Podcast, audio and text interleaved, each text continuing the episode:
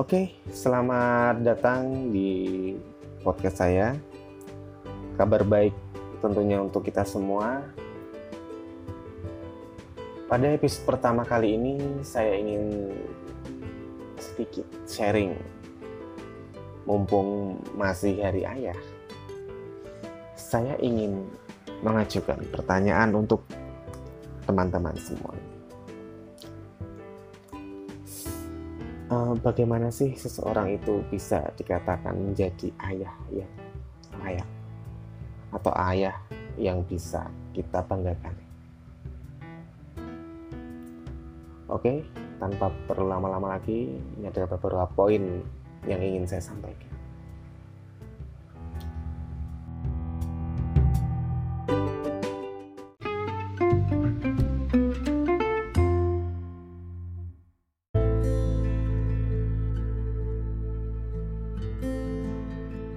Menjadi seorang ayah harus memberikan nilai terhadap anak-anaknya, harus memberikan teladan terhadap anak-anaknya.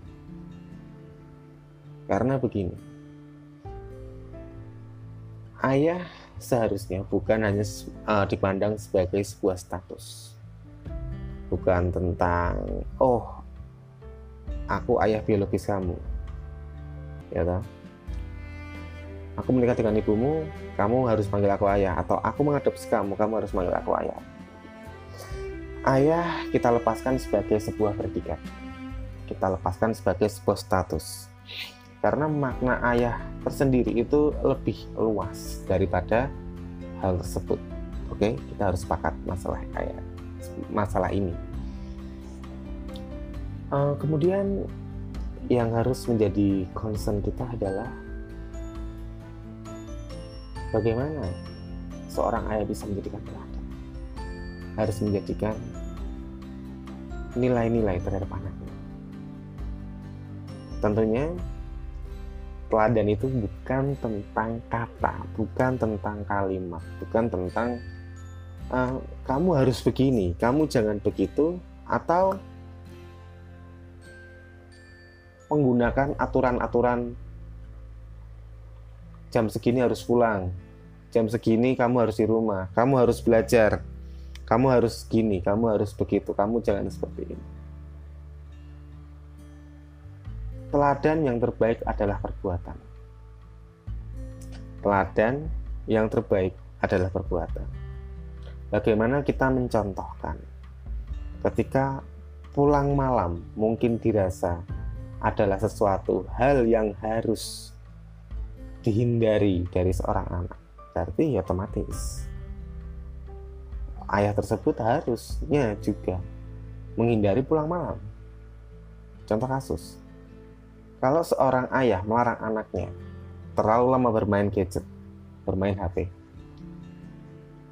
tidak cukup hanya kamu berhenti main gadget, kamu jangan main gadget, tapi juga orang tua juga harus mencontohkan akan sangat mubazir ketika kalian melarang anak-anak kalian mau bermain gadget. Tapi kalian sendiri juga bermain gadget. Kemudian, uh, yang kedua adalah menghindari memberikan label kepada anak-anak.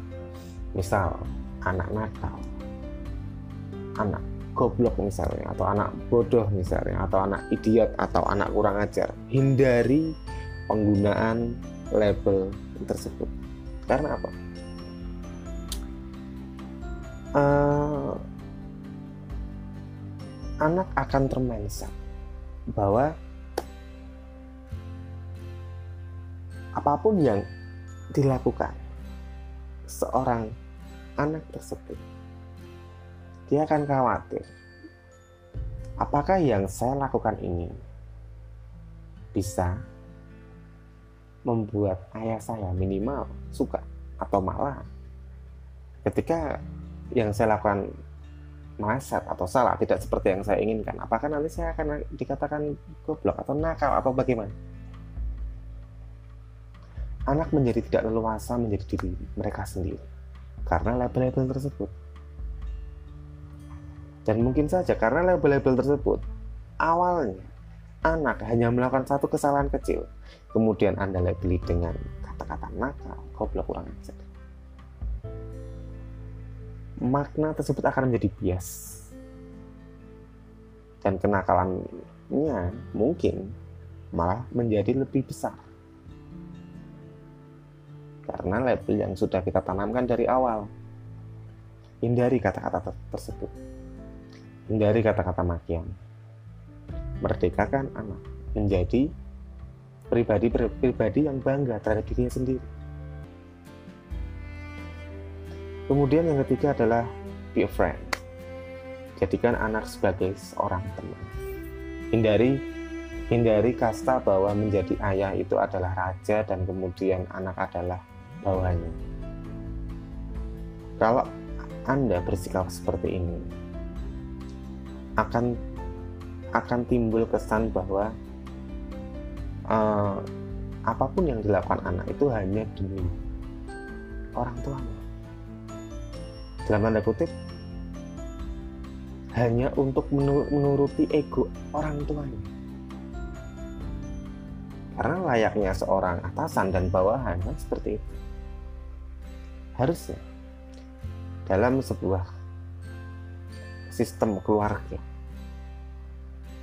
Anak harus diberikan ruang seluas-luasnya untuk berbicara. Dan orang tua harus memberikan telinganya selebar-lebarnya untuk mendengarkan apa pun yang ingin anak-anak sampaikan. Jangan katakan ini kritik atau ini hinaan atau apa. Biarkan. Kalau memang dalam posisi tertentu ayah ada yang salah ayah harus menerima. Dengan legowo dengan senang dengan happy. Dengan seperti itu akan muncul komunikasi-komunikasi yang bagus.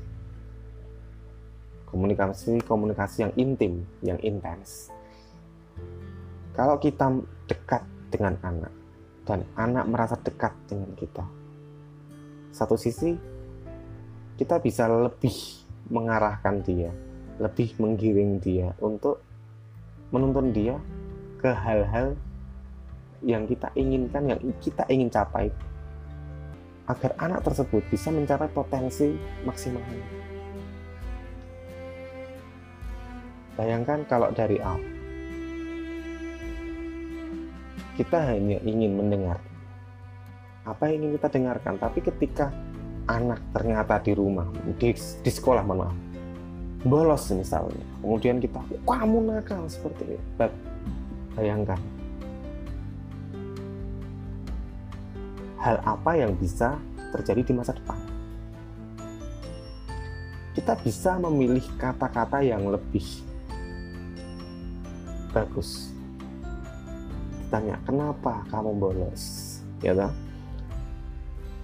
apakah ada gurumu yang mungkin kamu kurang suka atau menghindari mata pelajarannya? Atau mungkin kamu ada masalah apa? Ini yang sewajibnya seharusnya. Orang tua gali. Kemudian yang keempat adalah memberikan kepercayaan kepada anak ini hal yang harus dilakukan. Karena dalam satu hubungan keluarga akan sangat sulit ketika kita menuntut kepercayaan seseorang sedangkan kita sendiri tidak bisa memberikan kepercayaan terhadap orang tersebut. Apalagi ini hubungannya antara ayah dan anak.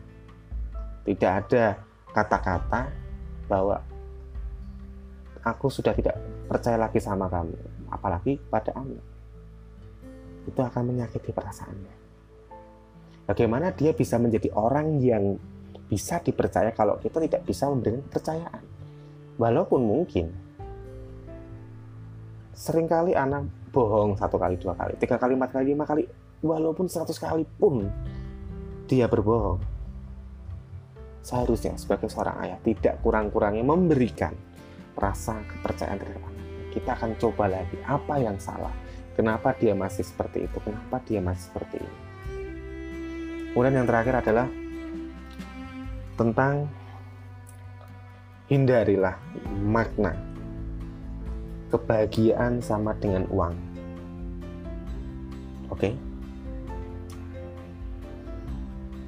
Aku sudah membelikan dia A, aku sudah memberikan dia B, aku sudah memberikan dia C. Itu tidak menjamin bahwa anak-anak Anda akan bahagia. Oke. Okay? Karena kebahagiaan seorang anak dari orang tuanya itu bukan hanya tentang apa yang sudah dibeli oleh orang tuanya untuk dia, bukan hanya itu. Itu harusnya sudah termindset dalam pikiran kita, harus sudah termindset bukan hanya tentang itu saja.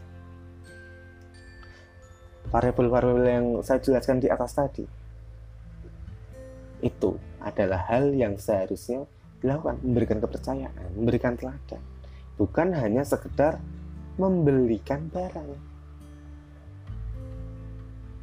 Itu hanya satu satu variabel di antara ratusan mungkin variabel yang lain untuk bisa disebut Anda layak sebagai seorang ayah. Mudah-mudahan sedikit apa yang saya sampaikan ini berkenan di hati Anda, di hati para pendengar semuanya.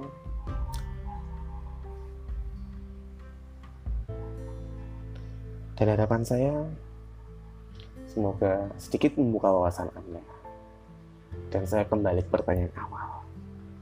Apakah Anda layak disebut sebagai seorang ayah. Oke, terima kasih semuanya. Selamat malam semuanya. Semoga hari-hari berikutnya semakin menyenangkan. Thank you.